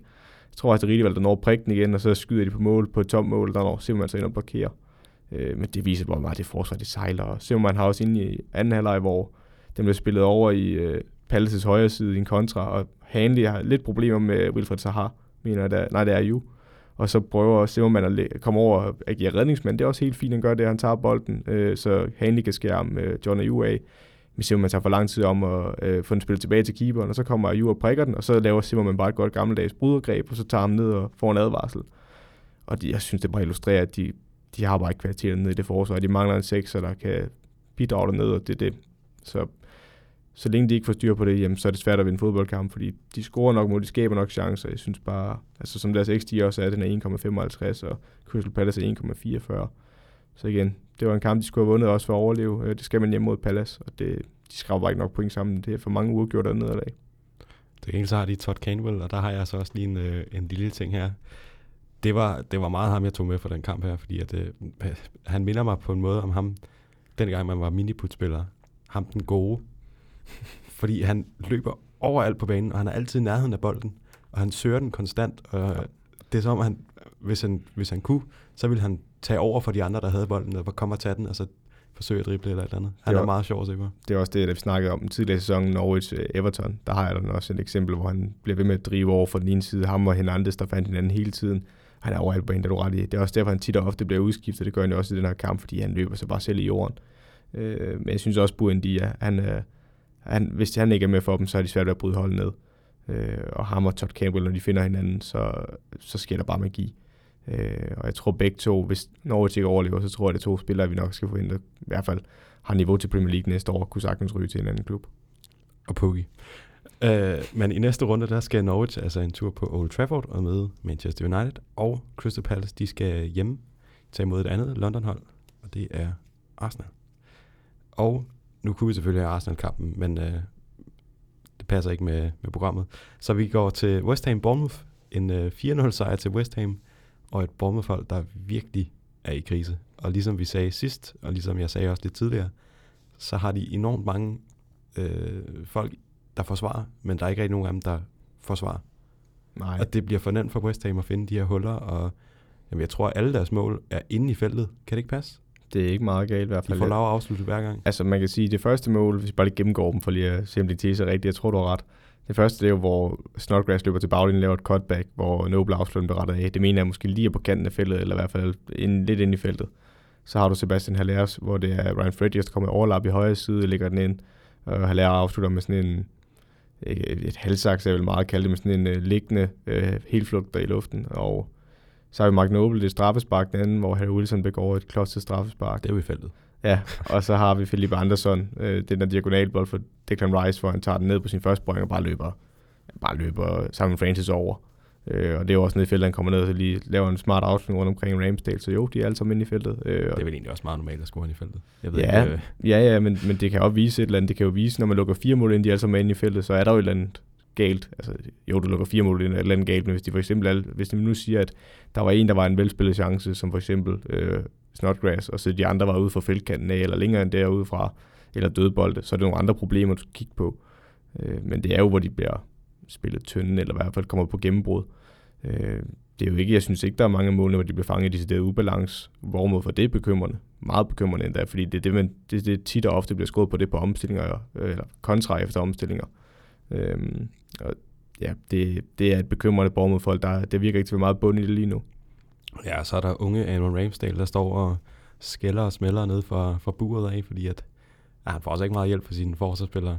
Ej, De de, sætter ham i nogle rigtig skidte situationer. det hjælper heller ikke, de mangler Nathan er så tydeligt, og det, der er mest bekymrende, det er jo, at han ikke blot er skadet, men hvis det er rigtigt, det vi har snakket om i transferspecialen også, at det er en frikøbsklausul eller tilbagekøbsklausul for Chelsea på 40 millioner pund her i januar, og den udløber her øh, efter januar. Jamen, hvis de mister ham permanent, så kunne jeg godt grue for, at det måske er året, hvor de rykker ned. Ja, og de er også begyndt at, at trække lidt dernede af. De har, øh, ja, de har ikke vundet i, i fire kamp, og de ligger altså... De er lige rykket ned i rykningszonen, er det Ja, jo, jo, de er nede i, i zonen. De ligger ligger 20 nummer- point. er nummer 18 nu, og har et point op til Villa. Altså det igen, øh, der er jo kun, hvis man kigger op, så er der jo kun 11, eller på Ja, 11. ja. pladsen, Ja, der er ja. der jo Everton med 25 point, så der er jo kun 5 point op til 11. pladsen, så der er masser, der kan nås endnu. Øh, og jeg, jeg tror stadig på Eddie Howe, men der kunne også være lidt et tegn på noget fatig i, øh, i Bournemouth, at øh, der er måske trængt til noget fornyelse, selvom han er en dygtig træner, Eddie Howe. Ja, og øh, ja, det sidste, jeg har skrevet, det er, at det begynder at se rigtig skidt ud for Bournemouth, men det er jo det, vi lige har konkluderet. Så hvis ikke øh, du har mere, så vil jeg bare sige, at øh, West Ham, de skal en tur til Sheffield i øh, næste runde, og Bournemouth, de skal hjemme møde Watford. Så må vi se, om, om der er lige så meget held i sprøjten i Watford stadig, og øh, om der stadig er problemer i Bournemouth. Vi skal videre til en kamp, som jeg har glædet mig til. endelig, endelig, endelig kan vi sidde og rose, skamrose nærmest, Arsenal. 2-0 over Manchester United. En uh, igen fremragende første halvleg for Arsenal. Højt tempo, masser af chancer. Det går lidt ned i, i anden halvleg, men de holder den. Øh, ja, øh, hvis vi skal tage det fra en ende af, for nu, øh, Jeg er jo helt Det, jeg kan godt mærke på dig, og det er også fedt. Det er fedt, at Arsenal de vinder den her kamp, synes jeg. Øh, også bare for podcastens stemning, synes jeg. Ja, Øh, så jeg ikke skal sidde og være jo. deprimeret herovre. Nej, det har også været, det har også været sjovt til Jeg har tider. været på at randen, det har jeg da. det har været sjovt til tider, at jeg ikke er din terapeut, men, øh, men, men nu er det fedt, at det vinder lidt. Øh, og ja, jeg synes, at Arsenal er det bedste hold i første halvleg, det, og jeg synes faktisk, de er det bedste hold igennem det meste af kampen. Det kan godt være, at United får lidt spil i anden halvleg, men det er også et resultat af, at Arsenal fører 2-0 øh, og skal beskytte den føring. Men, men jeg, synes, jeg synes ikke, de skaber et hav af chancer Arsenal. Jeg synes, Nicolas Pepe var den store oplevelse i første halvleg. Hold da op en fodboldspiller, når han er i det humør der. Ja. Altså, efter det første mål, der ser han så ikke tilbage. Der er han jo en konstant trussel, og han har flere flotte opspil med Øsil og Lacazette og Aubameyang. De fire deroppe foran, det er jo bare høj, høj offensiv Dem har jeg kvalitet. nemlig også skrevet ned, fordi jeg kan huske, at jeg tidligere i, øh, i podcasten her har snakket om, øh, der var en på Twitter, der skrev, jeg får meget øh, information på Twitter, det er perfekt, elsker øh, Der var en, der skrev, at han ville bare ønske, at de for en gang skyld kunne spille Aubameyang, Lacazette, Özil og Pepe som, øh, som de front, front fire der, og hvor vi snakkede lidt om, hvordan man skulle gøre det og så videre. Men i den her kamp, det er sådan, man skal gøre det. Ja, og øhm, det kommer vi også ind på i min deep dive, øh, jeg øh, kan allerede sige. Det er, jeg tror ikke, hvis Under Emery havde gjort det samme, det havde fungeret. Øh, nøglen til det her er faktisk, at han har fået Mesut Özil og Aubameyang til at fungere. Øh, Mesut Özil i sin perfekte position som tieren, øh, men han har også fået til at købe ind i det spilsystem og spilstil, de har nu. Og Aubameyang han har også købt ind i sin rolle som øh, venstre kant, selvom det ikke er hans favoritplads. Øh, og så længe han gør det, og så længe Özil også øh, kan indordne sig det spilstil der, jamen, så er det jo et vanvittigt dygtigt offensivt hold. Ja, og man kunne have frygtet lidt, at, at Arsenal egentlig var et hold, som var lige Uniteds smag. De vil gerne have bolden. Forsvaret måske ikke øh, helt perfekt. Det er det så i den her kamp. De, øh, de, de tager sig virkelig sammen her. Men jeg var bange for det her med, fordi vi har jo snakket om United. De er bedst, når de ikke har bolden. Og United er gode til at, at lade de der øh, mand op foran bare skabe et eller andet af sig selv. Men de bliver jo øh, ja, holdt væk her. Det er jo også, det er også et resultat af den måde, Arsenal de griber deres presspil og erobringsspil an på i den her kamp. Det skal vi nok også komme ind på øh, i deep dive. Men det er netop det, der gør, at øh, United de får ikke muligheden for at slå de her lange bolde hen over hele kæden. Det er meget sjældent, de faktisk får nogle af de dueller. De har en enkelt i første halvleg, de har nok flere end det, men den lige kan huske i hvert fald, det var Daniel James får den i højre side, hvor han driver den forbi Kolasinac, hvor han så laver frispark og får en advarsel. Øh, med den duel, den ser vi slet ikke nok. Jeg synes Arsenal de er gode til at finde balancen mellem, at når vi ikke har bolden og ikke er i pres, jamen, så står vi bare kompakt og dybt, så de får lov til at slå det lange bold hen over os. Og det meste af kampen, i hvert fald første halvleg, så ligger Arsenal så højt i pres, at øh, United de kan ikke få timing i de løb, som de gerne vil have dybt, øh, og de får ikke at spille sig forbi presset, og det er bare en ros til Arteta, det arbejde, han har lavet, fordi øh, det, er i hvert fald noget, din en træner kan tage fat på til at starte med. Det er nok ikke, possession-spillet er svært. Øh, jo, de er blevet dygtige i deres fase 1, og til og med fase 2, starten af fase 2 i deres opbygningsspil er også blevet bedre. Øh, de mangler stadig meget, når de skal bryde et hold ned. Øh, der er det stadigvæk meget en individuel kvalitet, men det tager lang tid at indspille. Det, der ikke tager lang tid at indspille, det er forsvarsspillet og erobringsspillet. Det, det kan man gøre forholdsvis hurtigt. Øh, specielt hvis du har fodboldintelligente spillere, der forstår, hvordan man lægger et pres, og det har Arsenal. Øh, og det virker bare, øh, og det, det har han allerede fået implementeret, og det er rigtig, rigtig positivt. Ja, så snakker vi altid om, at man, man kan ikke dømme en, en manager så tidligt, men, øh, men hvad er det, Arteta han har gjort for det her Arsenal-hold, Arsenal hold øh, allerede øh, på de her, den her korte tid, udover at vi ved, at The Fun is back? Jamen, så øh, er det jo netop, øh, udover The Fun is back, så er det, han har jo, det er jo det, han bliver drillet lidt med i de engelske medier lige nu, det er, at han har rigtig mange ting, han ikke forhandler om. Øh, og det, det, tror jeg bare er en fed linje, han ligger, fordi alle ved, hvor skabet står med Arteta. Det er ikke sådan, det er, jeg synes ikke, det er en jernhånd. Det er jo ikke, fordi han bare er en diktator, der bare siger, at sådan er det. Altså, han er bestemt, og jeg synes, han, han har, det der er vigtigst, at han har en klar vision med det, han gerne vil, og det ved spillerne. Spillerne ved, jamen, hvis vi tror på Michael Arteta, så kommer det til at fungere. Og det er måske det vigtigste hele, det er, at de har fået troen tilbage.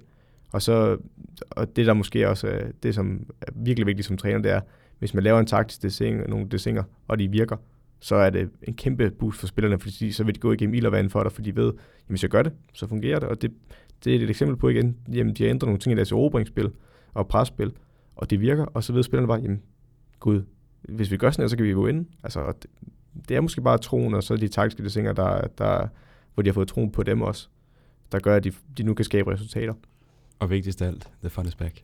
Ja, ja, ja, og så igen, træerne vokser, vokser stadig ind i himlen for Arsenal. Øh, hvis de møder hold, der stadigvæk står lavt, øh, så, så kan de stadigvæk være begrænset, fordi den del af spillet tror jeg ikke, de har fået så meget styr på endnu.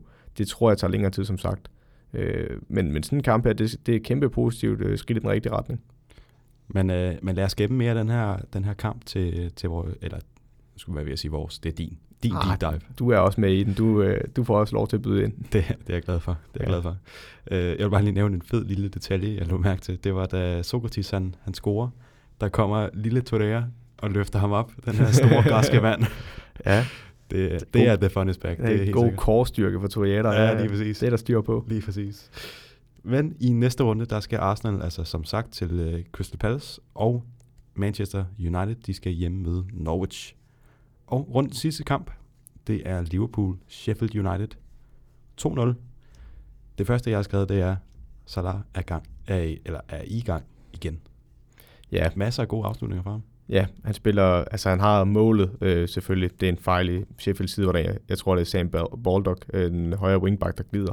Og så slår Van Dijk en dyb bold hen over ham. Øh, da han er slået, og så glider han. Så bliver det Robertson ligger på tværs til Salah, der sparker den fint ind.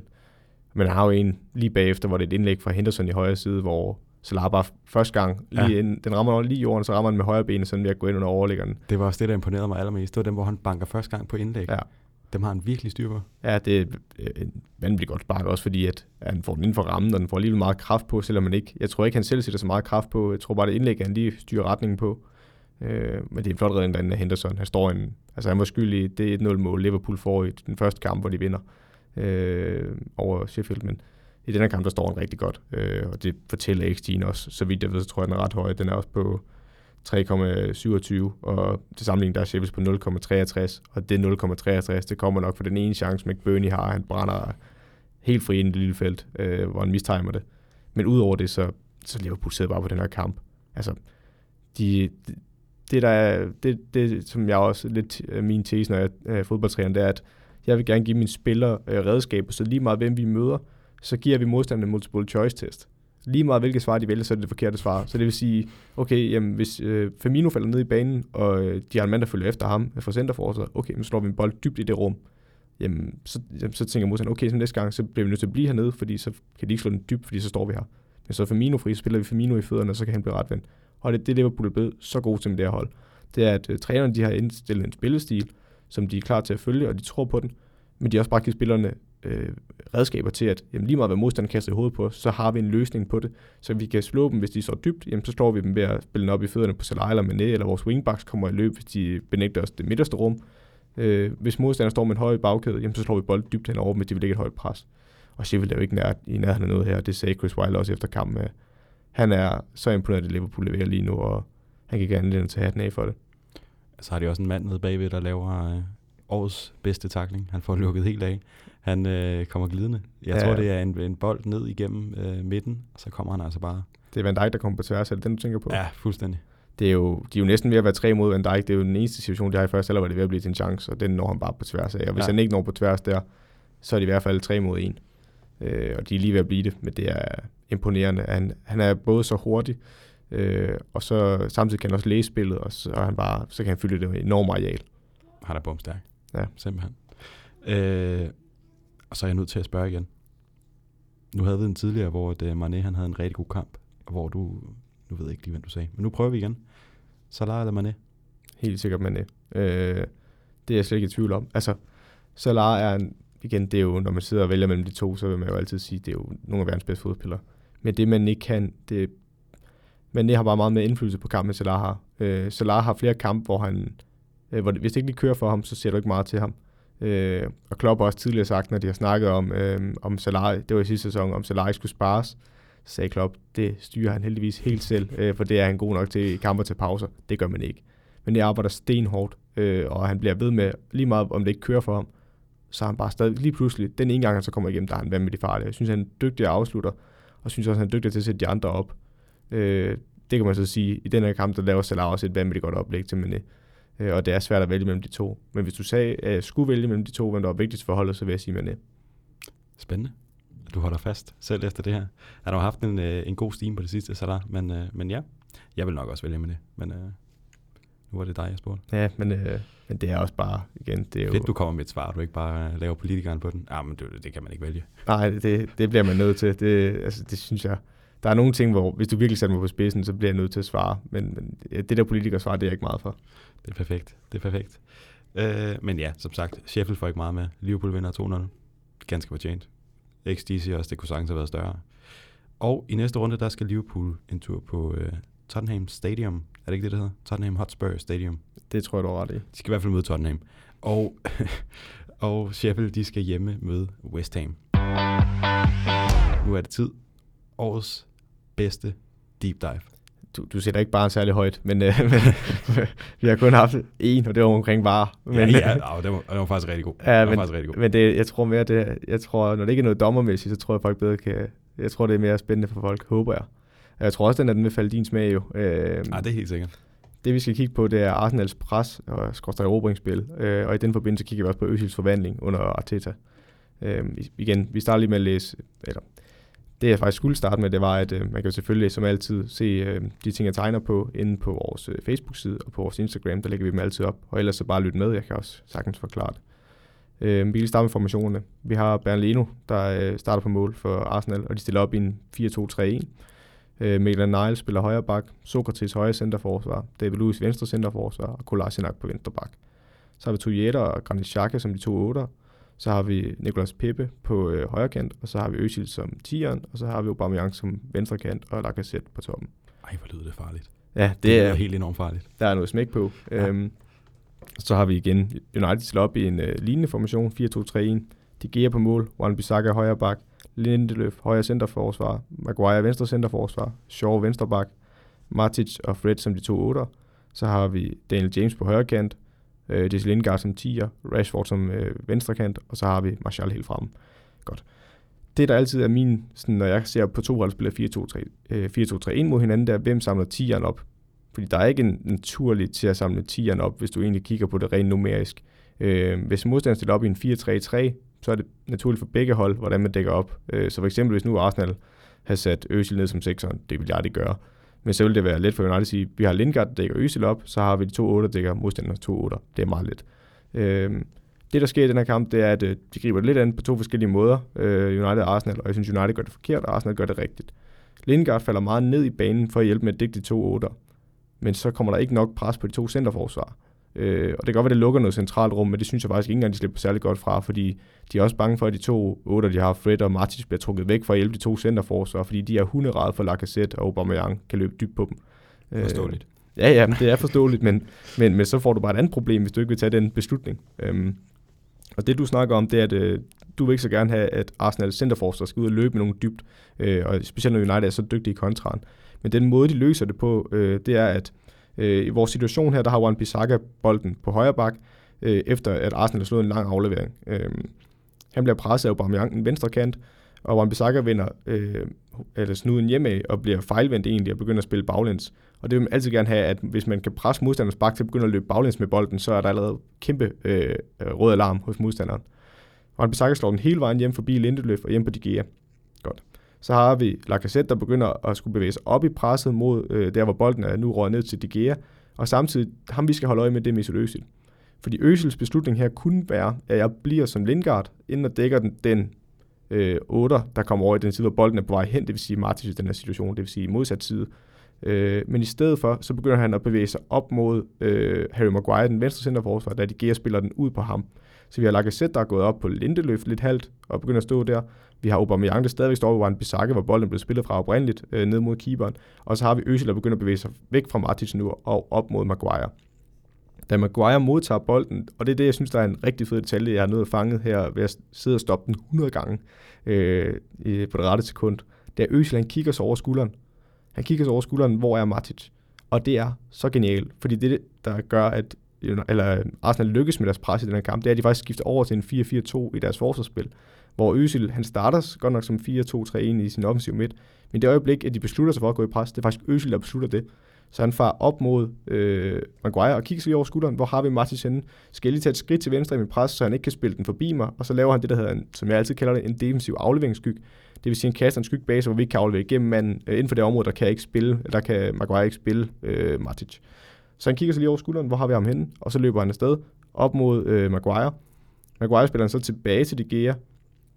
Så han falder lidt ned igen Østil, fordi nu, altså, nu skal han igen være opmærksom på Martins, for vi vil ikke have han forbi vores øh, første kæde. Det er ikke øh, målet, når vi spiller et presspil på den her måde, eller erobringsspil. Kommer ned på De Gea, og så falder Harry Maguire endnu længere ud til siden, for at skabe mere plads til at kunne få afleveringen igen. Øh, det betyder, at nu er Maguire trukket helt ud i venstre side af feltet og får bolden igen. Det Lacazette så gør, det er, at han laver endnu en defensiv afleveringsskyg. Han siger, okay, du fik bolden fra De Gea, nu går jeg ind og lukker De Gea, så du ikke kan spille den tilbage til ham. Så det vil sige, nu har vi fanget Maguire op i et hjørne, og så begynder Øsil igen, for nu har han jo set, at han blev fanget i hjørnet, løber op i presset mod Maguire, øh, og så falder i det øjeblik, så begynder Maguire at tro, at han er en lidt bedre centerforhold på bolden, end er, og begynder at trække ind i banen med bolden og vil drible.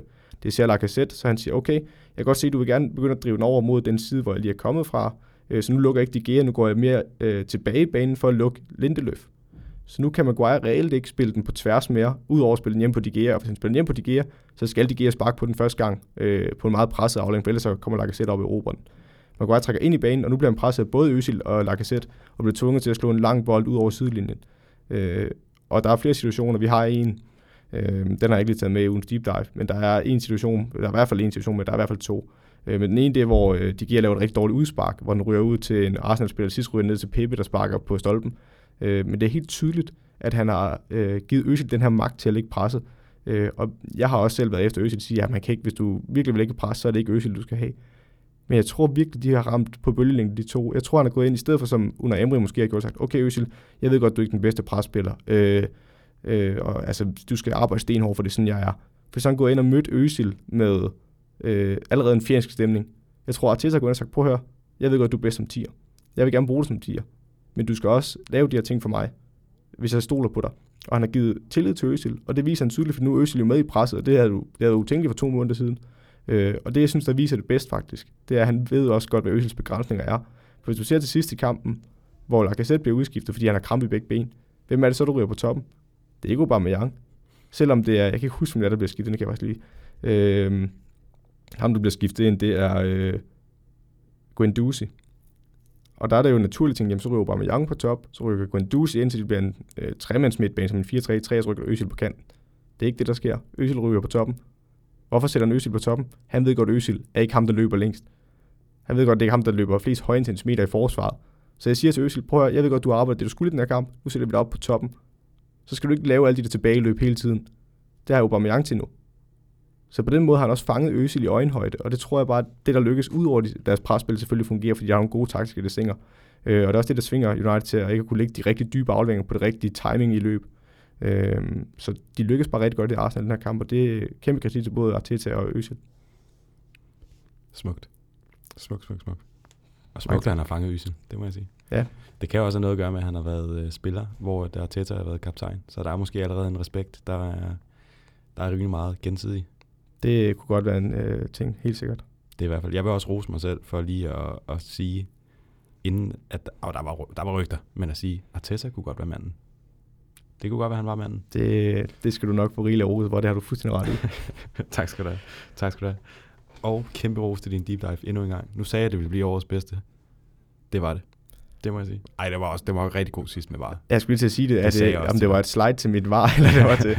Men jeg tager ej, imod alt den ros, jeg kan få. Jamen, det, tak. du får masser her i hvert fald.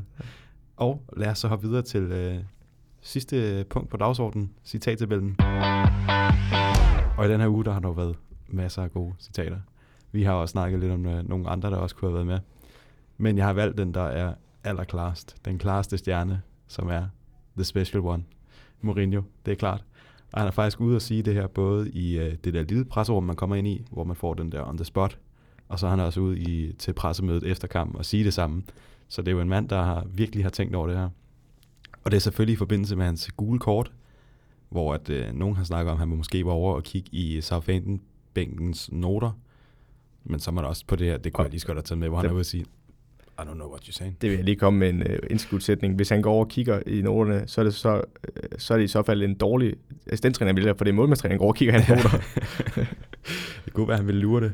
Men, uh, men ja, den jeg har med, det er, uh, hvor han snakker om det her gule kort, han får, og han siger til at starte med, I deserve the yellow card, because, og så kommer den gode, I was rude, but I was rude with an idiot. det er jo det er, jo, det er jo både grammatisk forkert engelsk, og det bedste af det hele er, hvis han virkelig har tænkt over den, så er det utroligt, at han ikke har rettet den. Øhm, jeg synes, det er utroligt sjovt. Øh, jeg tror, det er sådan en peak Mourinho jo, altså sådan virkelig sur, tvær og... Det er den Mourinho, øh, vi elsker. Stikpil, ja.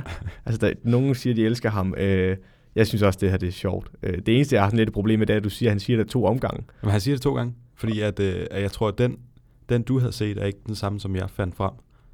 Og så fandt jeg nemlig frem øh, fra pressemødet, hvor han også siger det. Der siger han så godt nok, i was rude, but I was rude to an idiot. Ja. Så der får han lige rettet. Men, men det, der bekymrer mig lidt, eller ikke bekymrer mig, det der sådan irriterer mig lidt, det er, hvis han reelt har øvet, eller sådan tænkt over, hvad han skulle sige. Det, var, det havde været endnu bedre, hvis den havde været rent spontan, at, øh, han, at den bare kom, og så skulle han have undskyldt den bag. Jeg synes faktisk, den havde været endnu bedre. Det kan være, at den spontant kom der i presserummet, og så er han nødt til at bare holde fast i den. Ja, men det var også typisk, det ville også være typisk Mourinho, i stedet for at gå ud og sige, ja, det var måske ikke et så pænt ordvalg, eller noget, så holder han bare fast i det. Ja. Ej, jeg, jeg er ret vild med den her faktisk. Jeg Ej, jeg, er også, jeg er rimelig... Øh rimelig op at køre over den. Øhm. Og han siger også bagefter, som, uh, som opfølging til det, der siger han, but I clearly deserved the red card. I was rude. ja, og der siger, han, der ja. siger han red, når han siger red card. Siger han red card? Det, det, ja, det kan godt være, det er mig, der ikke lige forstår Mourinho, men jeg synes, det lyder som red card. Jeg ved ikke, om han mener reelt, at han også skulle have Der er meget stor forskel på yellow og red. Ja, så, ja, det er det. Så han må have sagt red jo, men ja, jeg synes faktisk, det er et ret godt citat. Hvor synes du, den skal være hen? Jamen, den, den er lidt ligesom den der uh, Ferguson med, med He could have been killed. Fordi det, ja. er, det er så sjovt. Og så over the så, top Ja. Det er også bare så absurd at sidde og sige det der. Også fordi, han må også et eller andet sted regne med, at der kommer et eller andet fra, fra FA oven på den her. Ja, jamen det kunne godt tænkes. Øh, nu får han ikke karantæne for den første, men det kan jo være, at kommentaren, som du siger, kan give ham en karantæne, eller i hvert fald et eller andet. Øhm, jeg synes, den, den er over den fra uh, The Funnest Back, synes jeg. Er den over The Funnest Back? Ja, det synes jeg. Okay. Jeg synes faktisk, den er ret... Jeg, synes, Det er fed jo. jeg er ikke så stor fan af Mourinho, men øh, jeg synes, den er, den er fed. Lad os smide den over det så. Ja. Men hvis jeg lige kommer med en indskudsætning, øh, Ja. fordi jeg synes også, hvis der er nogen, der leverer fremragende banter i den her runde, så er det også Southampton-fansene. Ej, hvor jeg synes, de, nu igen, nu kan det godt være, fordi jeg er den største fan af Mourinho, men jeg synes, det er sjovt. De sang øh, selvfølgelig øh, F off Mourinho, øh, øh, og så sang de også You're just a shit Pochettino. og det synes jeg var meget sjovt, også fordi han har været træner i, øh, Pochettino været træner i Southampton, det er derfor, de synger det som Ja. primært. Men det synes jeg faktisk var, ah, den kunne jeg rigtig godt, den sad jeg grinligt af derhjemme. Nej, han, er, han har ikke niveau til mere end Tottenham. Det må jeg bare sige. Men øh, lad, os, jamen, lad os smide den over The Funnest Back, og så, øh, ja, det passer også perfekt, men der skal være noget der jo. Ja. Vi er meget nede i den anden ende. Og det kan godt være, at det er mig, der kommer til at tage nogle jeg dårlige synes, med. nej, men du har ramt nogle rigtig gode citater her de sidste par gange. Det Ja. har været, altså, øh, jeg synes også, de andre er gode, men jeg synes, at de er sådan i den, i den positive ende, sådan peak. Det er perfekt, perfekt. Peak Mourinho, som Ja. vi elsker ham. Og øh, mere er der ikke at sige. Han kommer højt op på, øh, på tabellen. Så er der, øh, skal vi sige noget? Nu skal vi runde af med et eller andet i dag, eller skal vi bare sige tak? Øh, nej, jeg vil bare sige, det bliver, vi har været glade for al den fodbold, der har været her i julen og nytåret, men det bliver også rart at komme tilbage til en, øh, en, en, norm- en normal rytme, øh, Ja. ja. så vi har god tid til at se alle kampene. Og så kommer der jo en, øh, en eksamen, vi skal have gang i, men der, der skal jo også ses fodbold. Det er helt sikkert. Helt sikkert. Vi skyder den hurtigere sted, og så laver vi et, øh, et lækkert afsnit til jer igen. Der er ikke andet for. Jeg vil sige uh, tak til lytteren, og kæmpe tak for i dag, Søren. Selv tak, morgen. Jo tak. Jo tak. Og uh, ja, det er mandag. Jeg kan ikke sige god weekend. Jeg vil bare sige uh, god uge.